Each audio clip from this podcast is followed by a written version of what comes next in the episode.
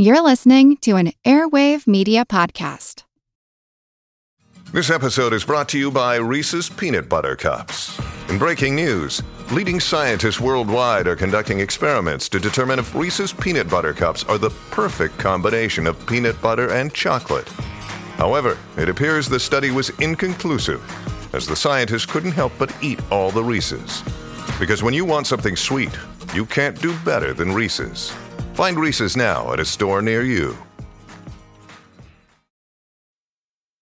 When it comes to weight loss, no two people are the same. That's why Noom builds personalized plans based on your unique psychology and biology. Take Brittany. After years of unsustainable diets, Noom helped her lose 20 pounds and keep it off. I was definitely in a yo yo cycle for years of just losing weight, gaining weight, and it was exhausting.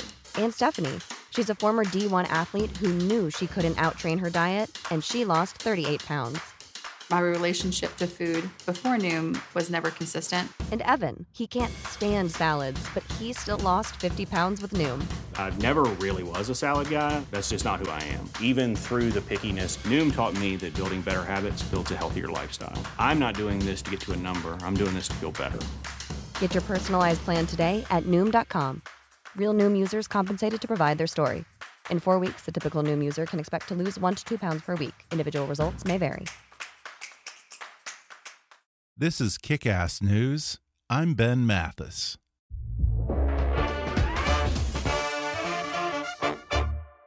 With all the stresses of life, it can be easy to lose perspective on what really matters. But Heineken believes that life is about being with friends and opening yourself to new experiences. Because when you live spontaneously and embrace the unexpected, it's a chance to create new stories and connections. You just have to open it. So enjoy a refreshingly cold, full bodied Heineken lager today. With its deep golden color, light fruity aroma, mild bitter taste, and a crisp, clean finish. Cheers. And now, enjoy the podcast. Hi, I'm Ben Mathis. Welcome to Kick Ass News. In 1970, a young high school dropout named Richard Branson founded the mail order music retailer Virgin Records, soon expanding the company to include a brick and mortar store on London's Oxford Street and a record label that went on to become the biggest independent label in the world, with artists like the Sex Pistols and the Rolling Stones. Then, the record mogul, known for taking risks, founded Virgin Atlantic, which surprised critics and became a leading global airline fueling a growing travel brand that includes Virgin Australia, Virgin America, Virgin Holidays, Virgin Limited Editions, Virgin Trains, Virgin Hotels, Virgin Galactic, and now soon Virgin Cruises. Unafraid to venture into new territory, the Virgin Group's diverse portfolio of companies range from fitness clubs to healthcare and banking to telecommunications. Indeed, Sir Richard Branson is the only person to have built $8 billion companies in eight different sectors. Not content to sit on his money, Branson is also a philanthropist whose nonprofit foundation, Virgin Unite, tackles tough social and environmental problems, and he's a record breaking adventurer whose feat includes the fastest ever Atlantic Ocean crossing, a series of hot air balloon adventures, and kite surfing across the English Channel. With a life like that, it's hardly surprising that one autobiography just isn't enough for Sir Richard Branson. So now, 20 years after his iconic memoir, Losing My Virginity, the world's ultimate entrepreneur is back with the rest of the story in his latest book, Finding My Virginity an intimate look at his never ending quest to push boundaries, break rules, and seek new frontiers. And today, Sir Richard Branson joins me on the podcast to talk about the Virgin philosophy, why he believes faster is better when launching a new business, and why many of his ventures are still born out of his own personal desires, including starting Virgin Atlantic after getting bumped off a flight by another carrier. He gives advice to young entrepreneurs and shares what he's learned from his ventures that didn't quite take off. He reveals his reasons for selling Virgin America to Alaska Air and suggests that it may not be the last that the U.S. airline industry has seen of Richard Branson. He also outlines his vision of the future with his commercial space company, Virgin Galactic, and his newest company, Virgin Hyperloop One. Plus, he talks about Brexit, his strange lunch with Donald Trump, his most harrowing adventures, and his habit of chopping off people's neckties, including my own. Coming up with Sir Richard Branson in just a moment.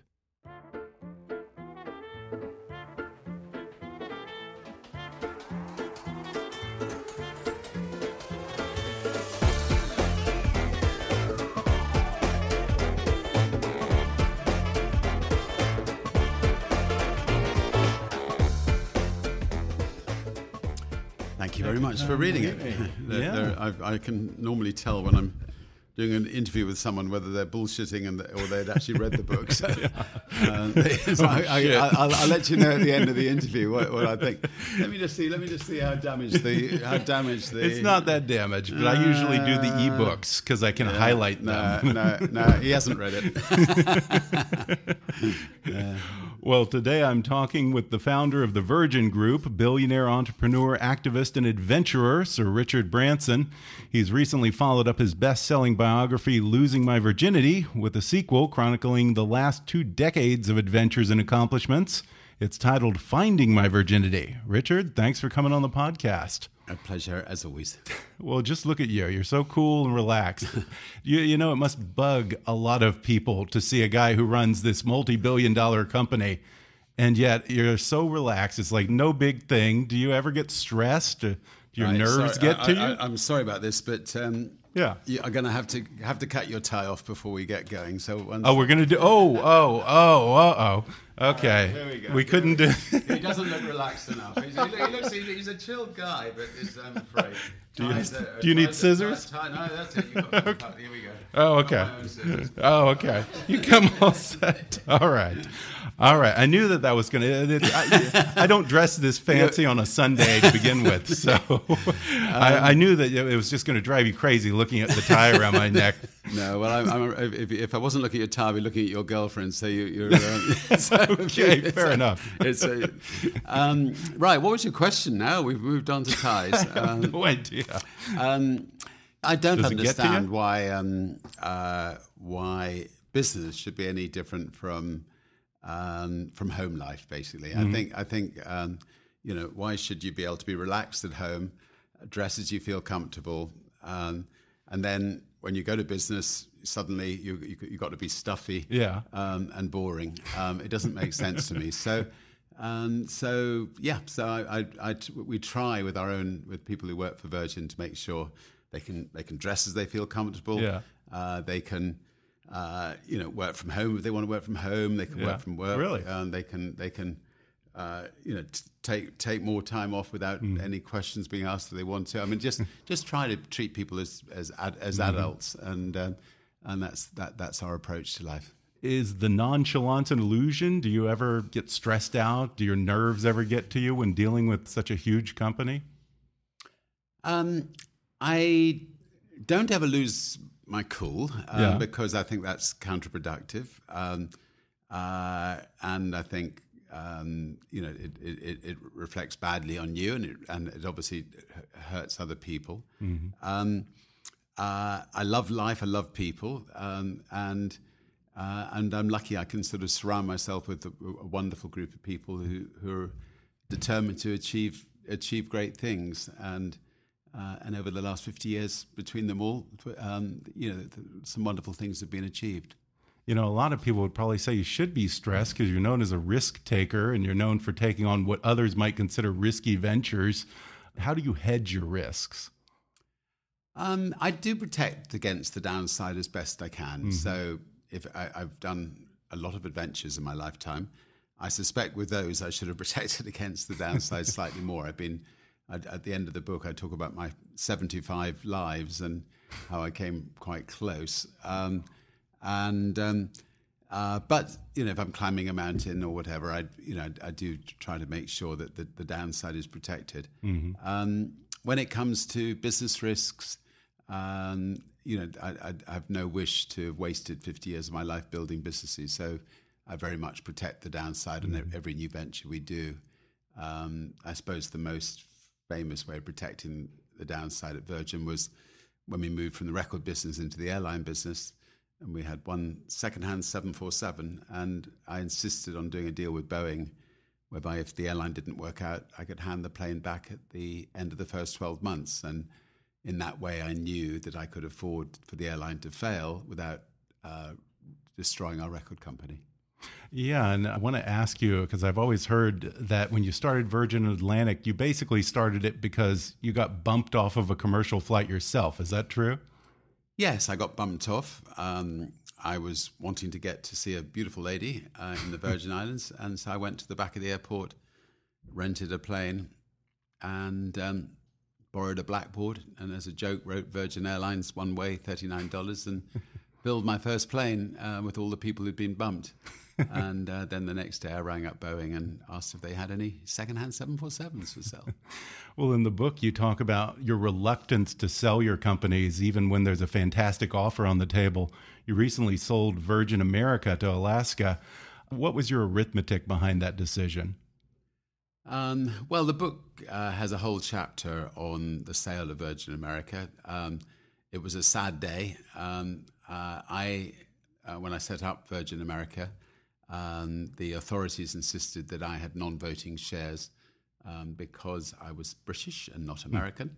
Mm. and the people who had the voting shares were the were, were venture capital funds and uh, they looked they, they, were facing a very very big return on their money invested so um, so they, they decided to sell and um, you know we all made lots of money out of it but that's not anywhere near as exciting as being the fifth airline in America and getting out there and um, and, uh, and and and becoming um, you know the major force in America that I think Virgin America was uh, heading to become and you know, Virgin America won the best airline awards for the last 12 mm-hmm. years. And I think it would have continued. They're, they're, great staff, great team of people.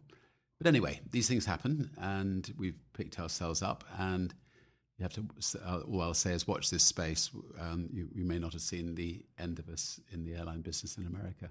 Did you ever feel that you were able to get a sufficient foothold in the U.S. market? Yeah, I think mm-hmm. Virgin America had a really really good foothold, a really good niche. Um, it was just so much better than everybody else.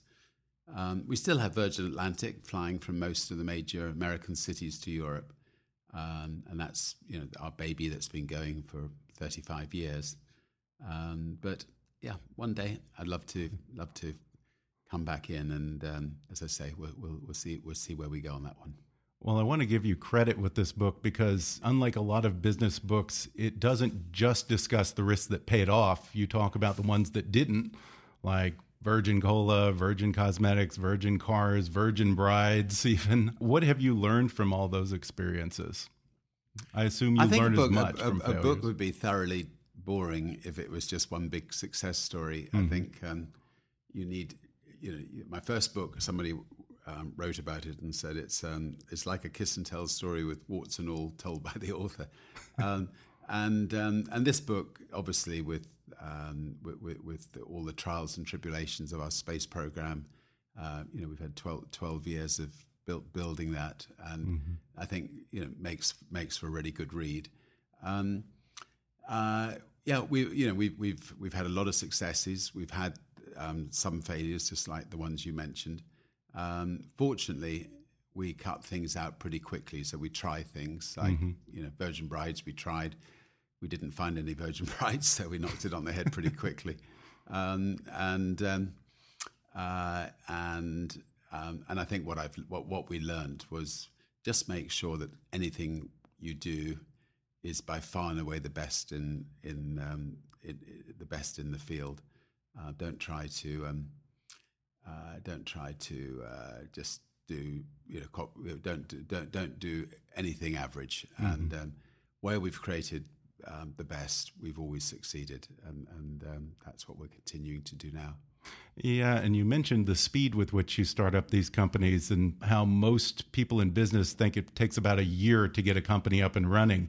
You like to move much faster than that. Is the attitude if there's a chance we're going to make mistakes, let's get them over with quickly then and either move on or, or, yeah, or, I mean, or it, it, takes it, flight? It, it's always difficult to um, to knock something on the head, but it's much better to do it quickly so that it doesn't end up uh, damaging the other companies you've already set set up.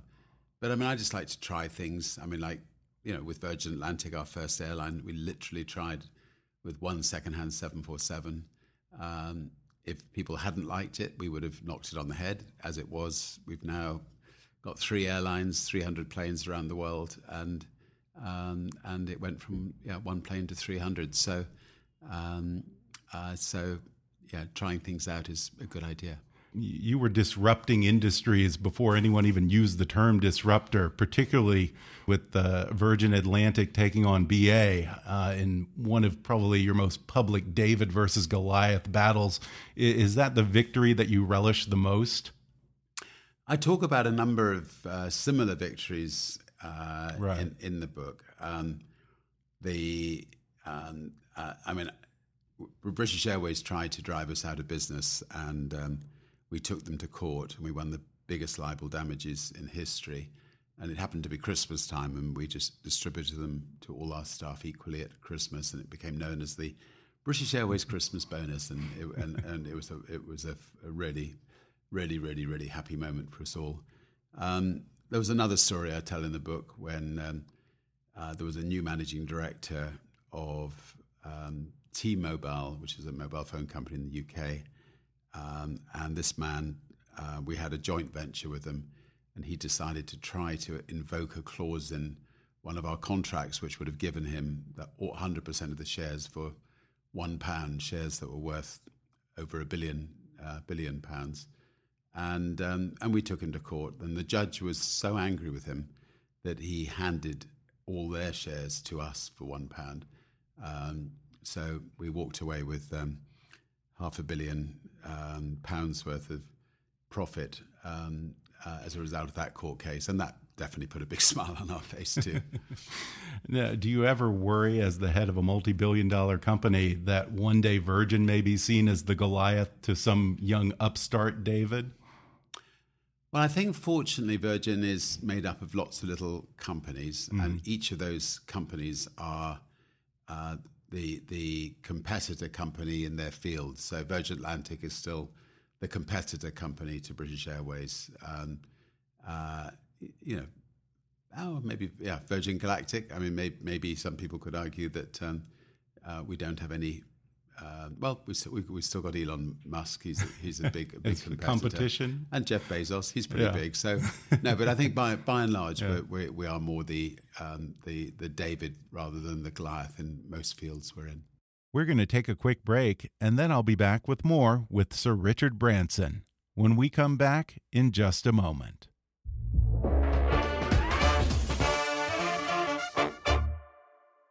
Life can be stressful, and sometimes we lose perspective on what really matters. As we rush to achieve all the things we want in life, it can be easy to forget to enjoy the smaller moments along the way. But life isn't about following a common path or having a set plan. It's about being with friends, celebrating with loved ones, and living in the moment. Heineken believes that you create the richest memories when you embrace the unexpected and open yourself to new experiences.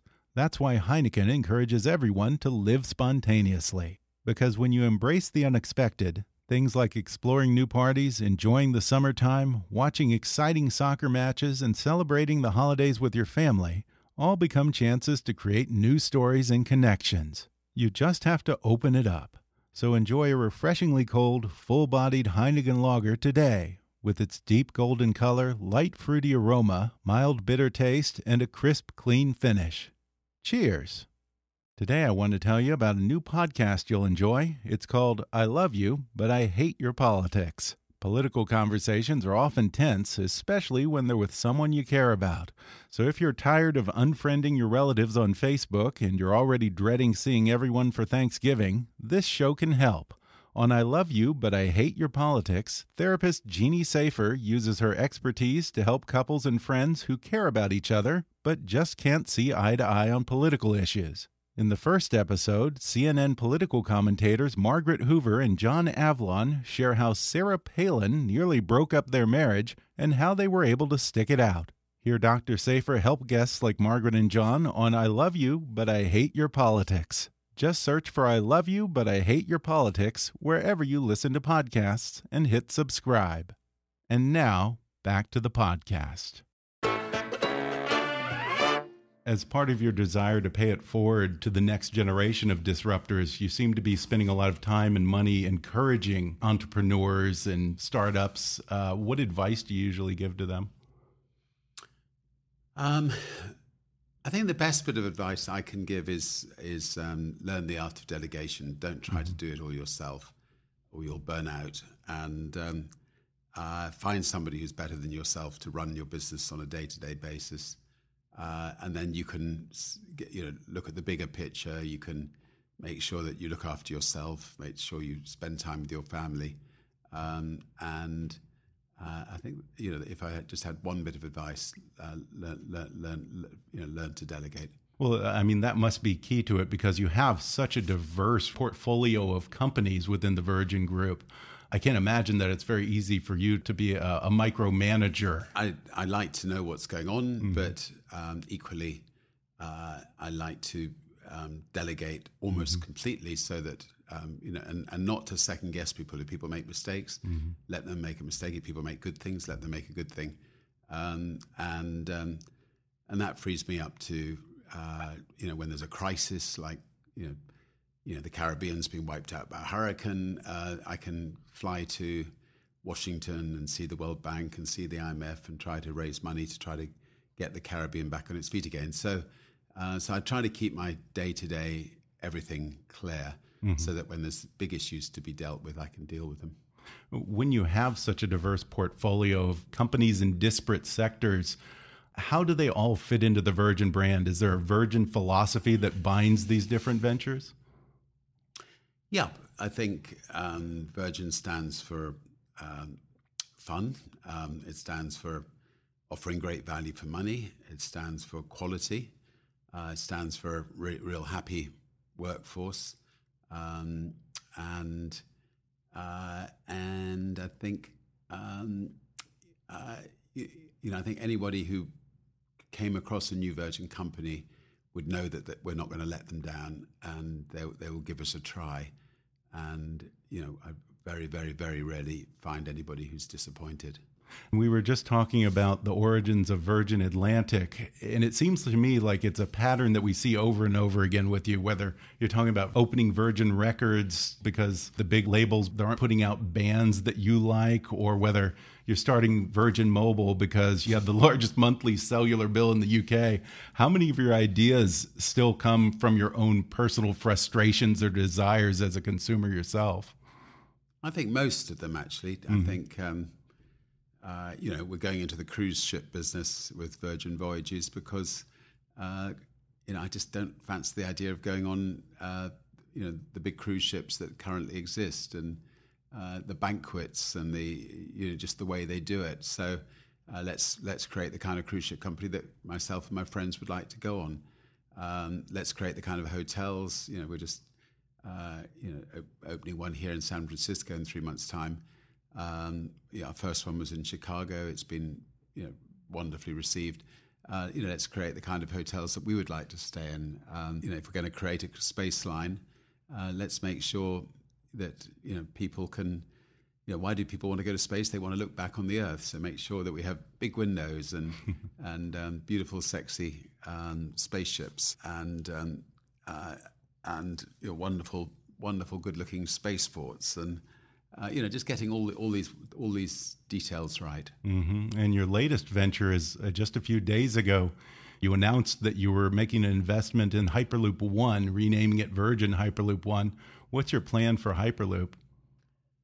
Um, Virgin Hyperloop uh, can transport people uh, in in a tunnel um, at incredible speeds. I mean, you could go up to a thousand miles an hour, but wow um, if it was a straight line. Um, but you can comfortably go sort of 600, 650 miles an hour, even even with corners. And um, and uh, you know there are a lot of places in the world that where people would love to you know jump on a uh, effectively a train uh, that goes at those sort of speeds.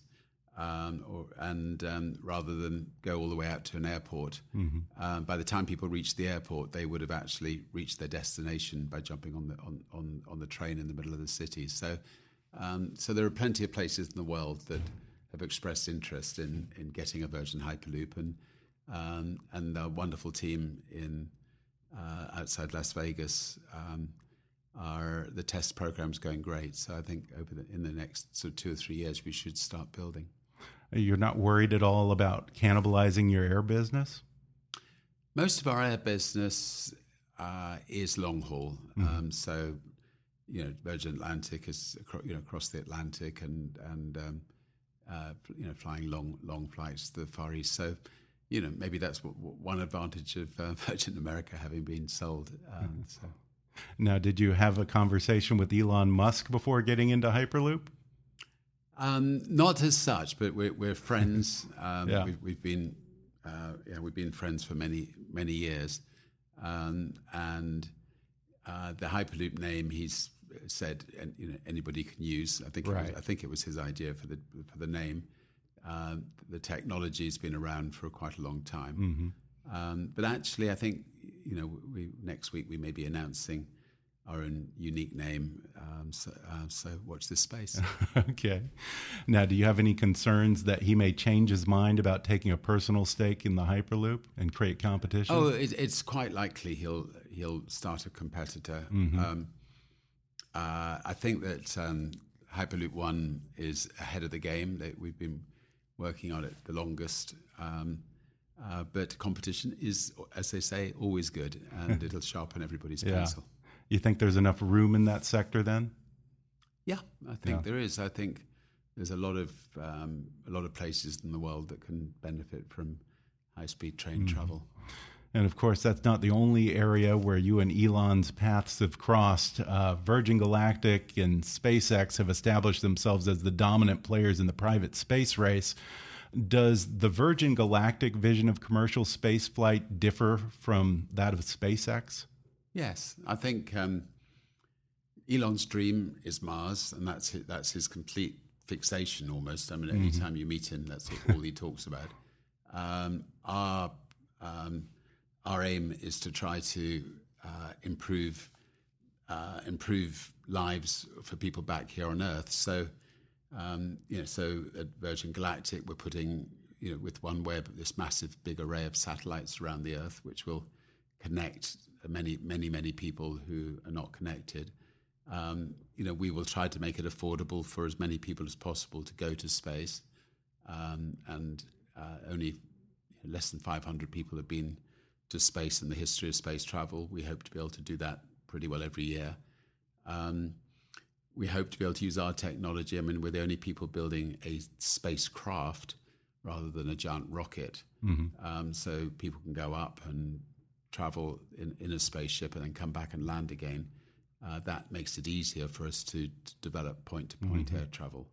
So I think um, I think all in all, um, we are um, you know we're, we're, both doing different sectors and mm -hmm. uh, and are compatible with each other.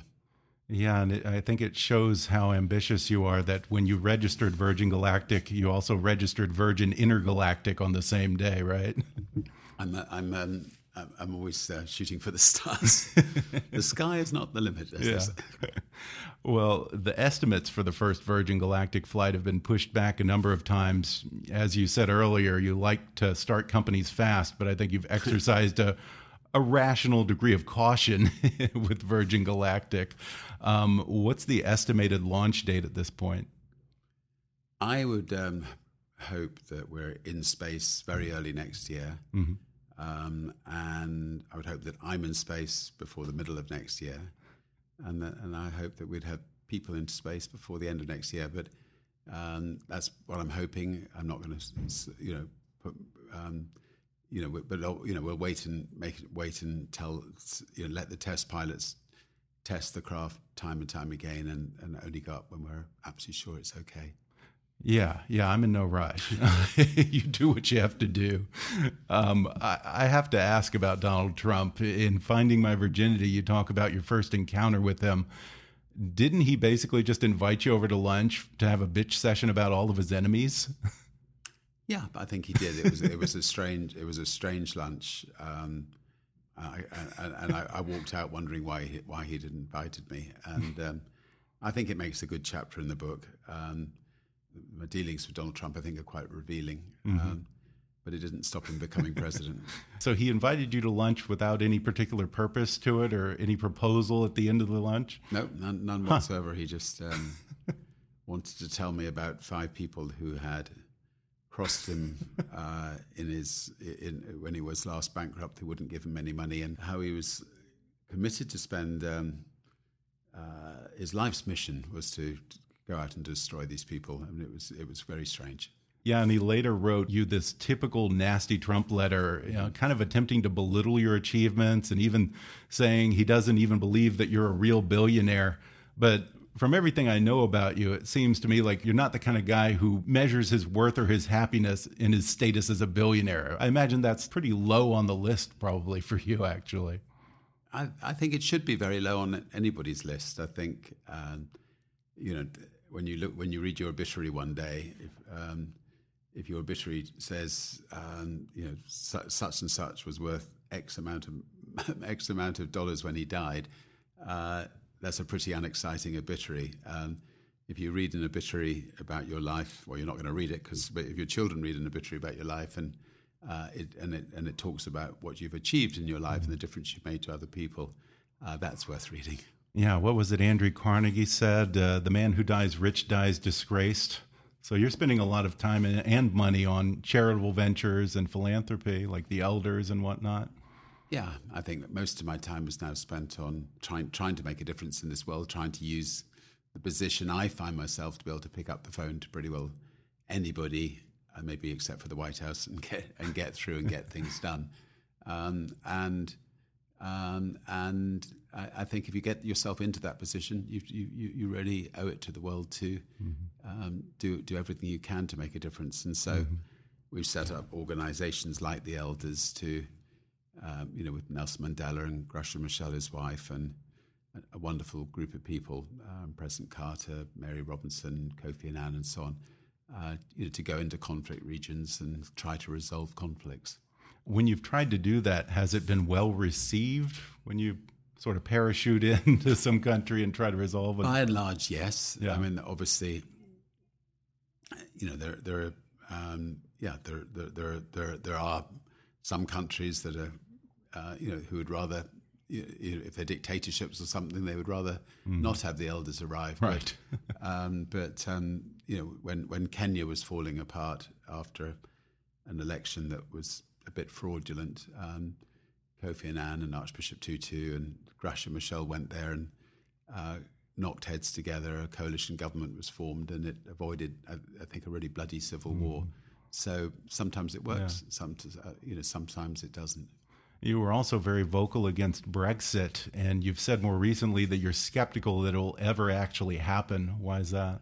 Well, what I actually said was I'm worried that it may happen, but mm-hmm. but if it does happen, I think um, within a few years, because the vast majority of young people don't want it to happen, um, as young people get older and older people die out, um, I think it will be reversed. Mm. The uh, you know, Brexit's going to do a lot of harm to Great Britain. It's going to do a lot of harm to Europe. And I think young people realize that. They want to be able to live in 28 countries. They want to be able to work in 28 countries. They don't want to be restricted to one country. So I think, um, I think uh, there will be an election mm-hmm. sometime in the not too distant future will, which will reverse it. Now, you spend, I, I, think, a maximum of 90 days in the UK. You spend, I guess, the majority of your time on Necker Island. Um, do you still consider the UK to be a business friendly environment?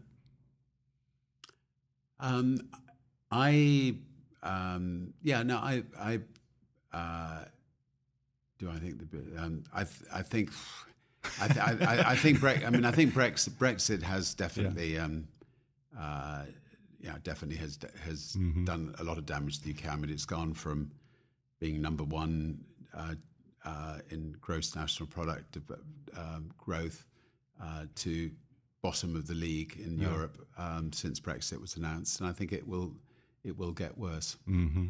President Obama spent, uh, I guess, about a week or two on your island, Necker Island, right after I think they left the White House. Uh, did he and Michelle seem pretty happy in their post presidency?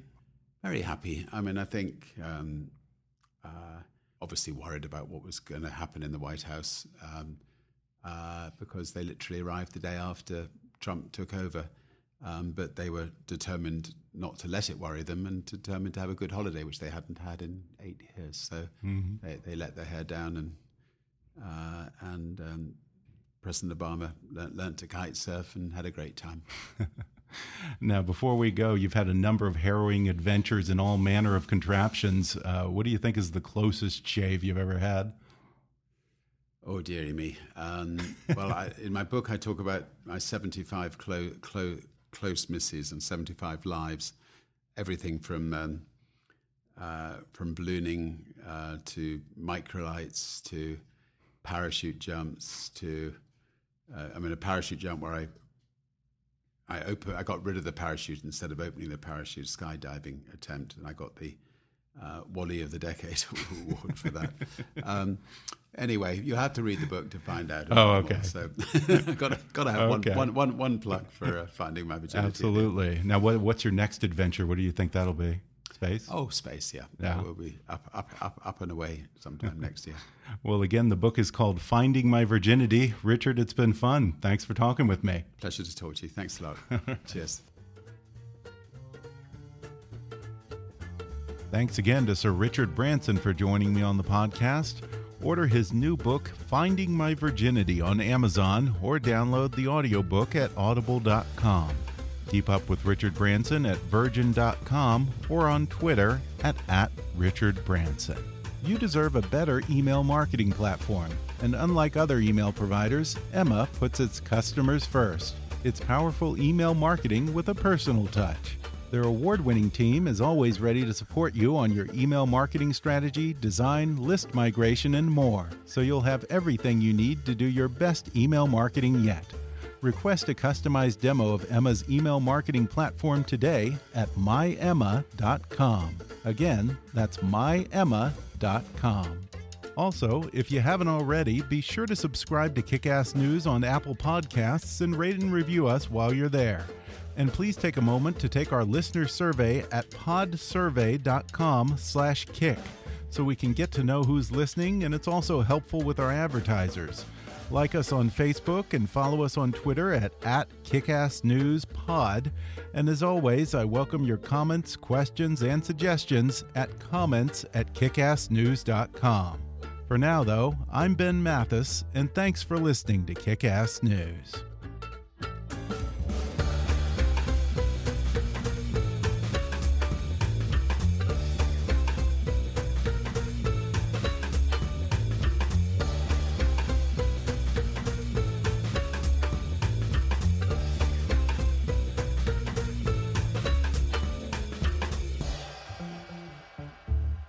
Kick Ass News is a trademark of Mathis Entertainment, Inc.